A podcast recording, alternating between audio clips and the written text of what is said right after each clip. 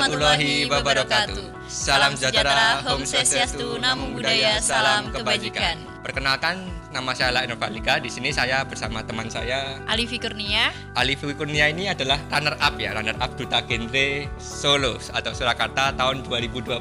Terima kasih Mas Lail. Podcast ini dapat kalian dengarkan melalui video pada platform YouTube atau melalui audio pada platform Anchor. Oke teman-teman, untuk selanjutnya teman-teman bisa follow media sosial kami di bawah ini. Dengan masih adanya persebaran virus COVID-19, teman-teman jangan lupa tetap pakai masker, jaga jarak, dan jangan lupa cuci tangan ya. Sekian perkenalan dari kami. Terima kasih. Wassalamualaikum warahmatullahi wabarakatuh.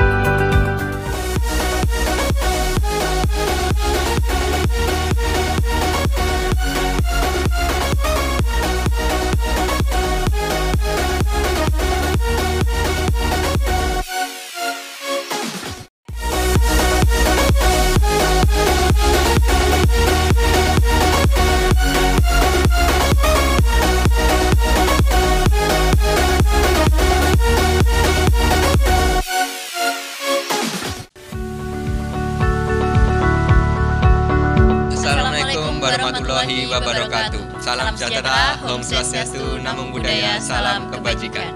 Kembali lagi bersama saya Lain Valika dan teman saya. Alifi Kurnia. Di sini saya akan membahas mengenai hukum ya, mengenai hukum dan klasifikasinya.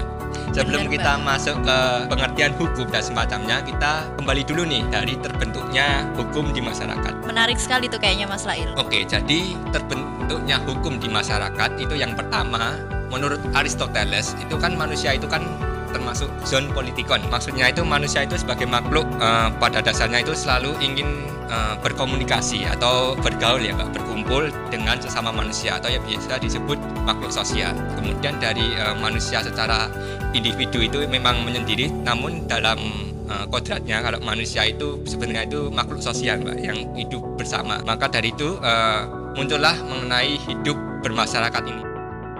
Bener banget tuh. Berarti kan di sini artinya timbul pertanyaan lagi nih Mas Lail. Eh, jadi kalau seandainya emang eh, manusia itu adalah makhluk yang sosial, dia hidup di dalam masyarakat, berarti tentunya eh, di dalam bermasyarakat itu dia harus ada ketentuan yang mengatur di dalam masyarakat itu benar nggak? Dalam hidup masa- bermasyarakat ini manusia-manusia itu tidak sejalan. Mereka cuma punya tujuan-tujuannya sendiri itu yang akan menimbulkan suatu pertentangan di masyarakat. Nah, pertentangan ini akan men- menimbulkan perselisihan yang akan menyebabkan perpecahan di masyarakat itu sendiri. Nah, maka harus dibentuk peraturan hidup atau peraturan bermasyarakat. Tujuan dari peraturan ini, Mbak, ini agar menjadi petunjuk hidup bermasyarakat dan meminimalisir perpecahan. Nah, peraturan hidup ini nantinya yang bersifat eh, mengatur dan mengikat, Mbak, atau memaksa itulah yang disebut dengan hukum. Berarti biar masyarakat itu dia punya pegangan dalam hidupnya. Ya, ya. Oke, berarti titik terangnya di sini tuh apa sih yang dimaksud dengan hukum, hukum, ya, kayak gitu ya, Mas. Nah, eh, kalau dari aku sendiri nih, Mas, eh, hukum itu adalah mengatur hubungan antara manusia perseorangan dengan masyarakat, di mana hukum ini sifatnya itu memaksa. Kalau eh, dari sumbernya sendiri, hukum ini tentunya dibuat oleh oknum-oknum yang bertanggung jawab nih, Mas. Dan kalau seandainya dilanggar tentunya bakalan dapat sanksi juga nih. Nah, tadi kan udah tahu nih, Mbak, mengenai hukum. Nah, di sini ada penggolongannya hukum sendiri, Mbak. Nah, di sini ada penggolongan hukum menurut sumbernya. Ini ada empat. Yang pertama itu adalah undang-undang, yang kedua itu kebiasaan, yang ketiga itu traktat, dan yang keempat itu jurisprudensi. Nah, untuk pengertiannya, kalau undang-undang itu adalah hukum yang tercantum dalam peraturan undang-undangan. Sedangkan untuk kebiasaan itu kan ada kebiasaan itu adalah hukum yang terletak di dalam peraturan-peraturan kebiasaan atau adat atau bisa dikatakan perilaku manusia yang dilakukan secara berulang- berulang-ulang ini yang disebut dengan kebiasaan. Biasa. Lalu yang ketiga ada traktat. Ini adalah hukum yang ditetapkan oleh negara-negara di dalam suatu perjanjian, Mbak. Dalam suatu perjanjian antar negara. Antar Misalnya negara. kan saya dicontohkan kalau Indonesia ini kan sering ikut pada PBB. PBB, lalu ada ASEAN dan sebagainya. Lalu yang terakhir ada jurisprudensi nih Mbak. Nah, Hmm. jurisprudensi ini adalah hukum yang terbentuk karena adanya putusan hakim Mbak. Hakim ini dijadikan rujukan oleh hakim pada hakim selanjutnya untuk memutuskan suatu perkara. Suatu perkara, Itu yang ya. disebut dengan jurisprudensi. Oke Mas Lail, jadi selanjutnya kita bakalan bahas lagi nih eh, penggolongan hukum, yaitu yang kedua adalah penggolongan hukum menurut waktu dibagi menjadi dua nih Mas. Nah yang pertama itu adalah waktu berlakunya, yaitu yang dikerjakan pada saat ini atau biasa disebut dengan ius constitutum. Nah eh, contoh dari ius constitutum sendiri ini adalah eh, seperti Undang-Undang Dasar, terus kemudian eh, Undang-Undang Nomor 26 Tahun 2000. Terus kemudian eh, ada juga hukum-hukum yang lain yang tentunya sudah disahkan dan berjalan pada saat ini kemudian kalau untuk yang kedua itu adalah konstituendum atau hukum yang berlaku pada masa yang akan datang. Nah, di sini tuh contohnya adalah rancangan undang-undang, terus kemudian eh, hukum-hukum yang akan dicita-citakan pada kemudian hari seperti itu. Selanjutnya nih Mbak, ada penggolongan hukum yaitu menurut cara mempertahankannya. Di sini dibagi menjadi dua yaitu hukum material dengan hukum formil, Mbak. Benar sih eh, untuk mengkategorikan kedua ini, kedua hukum ini ya. Ini itu mudah, Mbak. Yang hukum material itu berisi perintah-perintah atau larang-larangan. Material ini hukum yang memuat peraturan yang mengatur kepentingan-kepentingan dan hubungan-hubungan yang berwujud perintah-perintah dan larangan-larangan. Contohnya itu ada hukum pidana, hukum perdata. Lalu selanjutnya ada hukum formil. Di sini hukum yang memuat peraturan yang mengatur bagaimana cara cara melaksanakan dan mempertahankan hukum material tadi, Pak. Atau peraturan-peraturan yang mengatur bagaimana cara-caranya mengajukan suatu perkara ke pengadilan dan bagaimana cara caranya hakim memberikan putusan. Nah, Oke.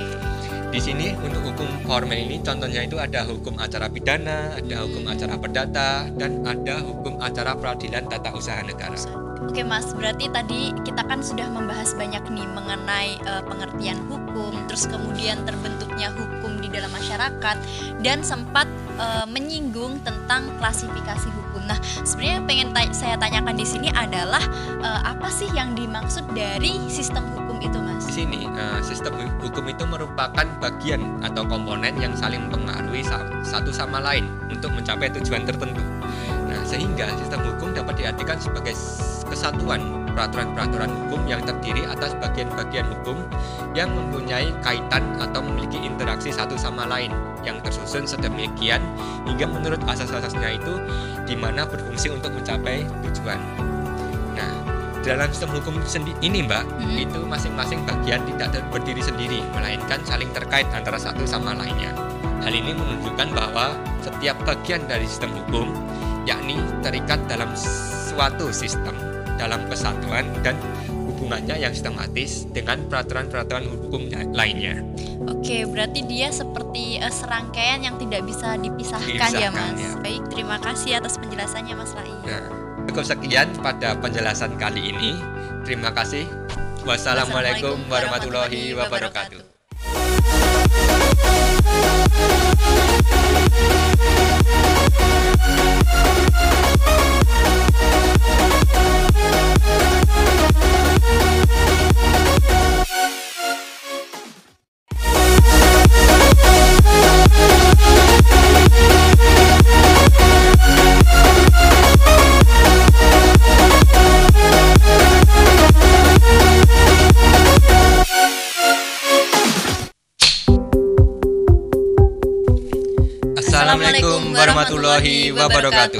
Salam sejahtera, Om Swastiastu, Namo Buddhaya, Salam Kebajikan. Video sebelumnya kita sudah membahas mengenai hukum ya Mbak ya, klasifikasi hukum. Dan kali ini kita akan membahas mengenai lembaga peradilan Mbak. Jadi ketika hukum itu berlaku di dalam sebuah negara, maka nggak terlepas banget dari adanya lembaga yang menaungi. Ya, nah benar. di sini kebetulan lembaga yang menaungi itu adalah lembaga peradilan. Eh, lembaga peradilan di sini adalah eh, suatu lembaga yang dibentuk oleh negara, di mana eh, lembaga tersebut memiliki otoritas, mas, Oh, ya. kayak gitu. Mm-mm. Jadi eh, otoritas ini yaitu eh, di bidang kekuasaan kehakiman dan tentunya eh, lembaga ini tetap bersumber de- dari hukum yang berlaku yaitu peraturan perundang-undangan, undang-undang dasar dan sebagainya. Nah, selain itu Mas, lembaga peradilan ini juga memiliki tugas dan wewenang. Oh, iya. Jadi tugas dan wewenangnya itu adalah untuk mengadili perkara yang menurut hukum itu e, bisa diselesaikan secara keadilan dan tentunya dalam menyelesaikan perkara tersebut itu e, mereka memutuskan satu perkara yang diajukan dengan dalil bahwa hukum tidak ada atau kurang. Akhirnya pengadilan itu wajib memeriksa dan kemudian mengadili setiap perkara yang masuk ke dalam peradilan tersebut. Uh, lembaga peradilan yang ada di Indonesia ini ada klasifikasinya, Mbak. Ada klasifikasi lembaga peradilan di bawah uh, Mahkamah Agung. Di sini ada peradilan umum, peradilan agama, peradilan militer, sama peradilan tata usaha negara. Untuk peradilan umum itu meliputi pengadilan negeri yang berkedudukan di ibu kota kabupaten atau kota dan pengadilan tinggi yang berkedudukan di ibu kota provinsi. Lalu kedua ini ada peradilan agama, Mbak peradilan agama ini terdiri atas pengadilan agama yang berkedudukan di ibu kota kabupaten atau kota dan pengadilan tinggi agama yang berkedudukan di ibu kota provinsi. Uh, lebih membedakan lebih uh, jelasnya itu kalau pengadilan negeri biasa di ibu kota kabupaten atau kota. Sedangkan untuk pengadilan tinggi yang ada kata tingginya ini berarti biasanya di ibu kota provinsi. Selanjutnya ada peradilan militer terdiri atas pengadilan militer pengadilan militer tinggi pengadilan militer utama dan pengadilan militer pertempuran lalu keempat ada peradilan tata usaha negara yang terdiri atas ini ada pengadilan tata usaha negara dan pengadilan tinggi tata usaha negara nah ini berkedudukannya juga sama sama tadi mbak pengadilan tata usaha negara itu berkedudukan di ibu kota kabupaten atau kota sedangkan untuk pengadilan tinggi tata usaha negara ini berkedudukan di ibu kota provinsi. provinsi. Oke, untuk selanjutnya adalah tupoksi dari adanya lembaga peradilan ini, Mas. Nah, e, jadi sebenarnya di negara kita itu sudah memiliki tata urutan peraturan perundang-undangan yang dimulai dari yang paling atas tentunya itu adalah Undang-Undang Dasar 1945. Kemudian yang di bawahnya menyusul ketetapan MPR, kemudian undang-undang atau perpu, kemudian peraturan pemerintah, kemudian peraturan presiden, kemudian peraturan daerah provinsi dan kemudian disusul oleh peraturan daerah kabupaten atau kota. Undang-Undang Nomor 12 tahun 2011 ini menjelaskan tentang pembentukan peraturan perundang-undangan ini uh, ada hierarki mbak atau penjenjangan setiap jenis peraturan tadi yang sudah dijelaskan mbak ya dari peraturan tertinggi menuju peraturan terendah. terendah. Nah, pada undang-undang ini definisi peraturan perundang-undangan adalah peraturan yang tertulis yang memuat norma hukum yang mengikat secara umum. Nah, peraturan perundang-undangan ini dibentuk dan ditetapkan oleh lembaga negara atau pejabat yang berwenang melalui prosedur yang ditetapkan dalam peraturan perundang-undangan. Tadi sudah dijelaskan mengenai penjenjangan dari Undang-Undang Dasar 1945 sampai peraturan daerah, kabupaten atau kota. Ini didasarkan pada asas bahwa peraturan perundang-undangan yang lebih rendah itu tidak boleh, Mbak. Tidak boleh bertentangan dengan peraturan-peraturan perundang-undangan yang lebih tinggi.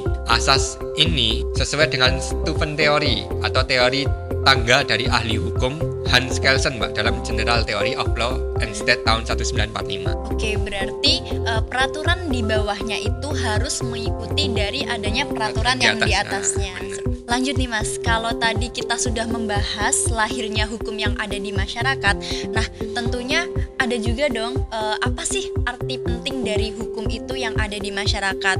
Nah, uh, kalau menurut Mas Lail nih seperti apa Mas artinya? Nah, arti penting hukum dalam masyarakat itu yang pertama adalah memberikan kepastian hukum Mbak ke dalam dalam masyarakat. Yang kedua itu melindungi dan mengayomi hak-hak warga negara yang ketiga memberikan rasa keadilan bagi warga negara dan yang terakhir menciptakan ketertiban dan ketentramannya bagi warga negara atau masyarakat. Nah, di sini menurut Prof. Surjono Sukanta itu mengungkapkan empat indikator, Mbak, kesadaran hukum yang secara beruntun atau tahap demi tahap di dalam masyarakat. Yang pertama itu itu adalah pengetahuan tentang hukum, yang kedua itu pemahaman tentang hukum, yang ketiga sikap terhadap hukum, yang terakhir perilaku hukum.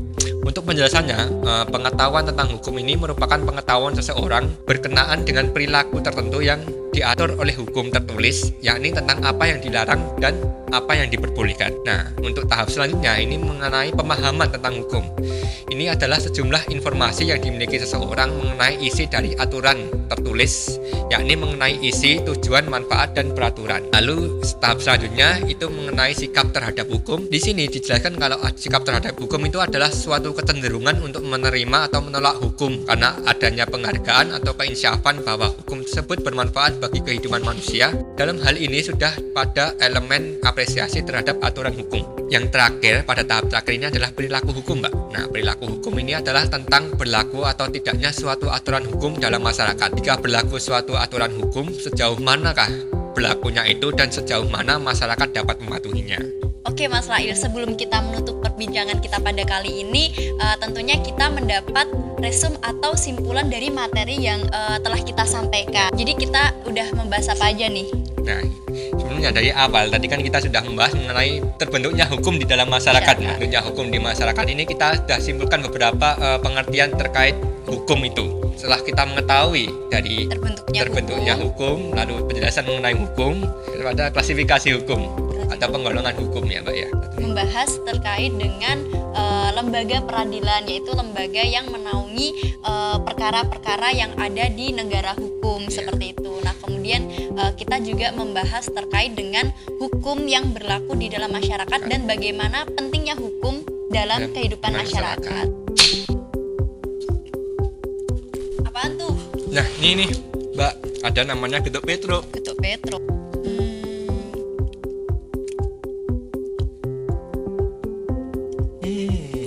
Kan? Sumpah asli. Sumpah Enggak bohong, ini enak banget. Ini getuk dari getuknya Opong Solo nih, Mbak. Namanya Terima kasih karena telah mengikuti podcast kami. Sekian penjelasan kami mengenai hukum dan peradilan.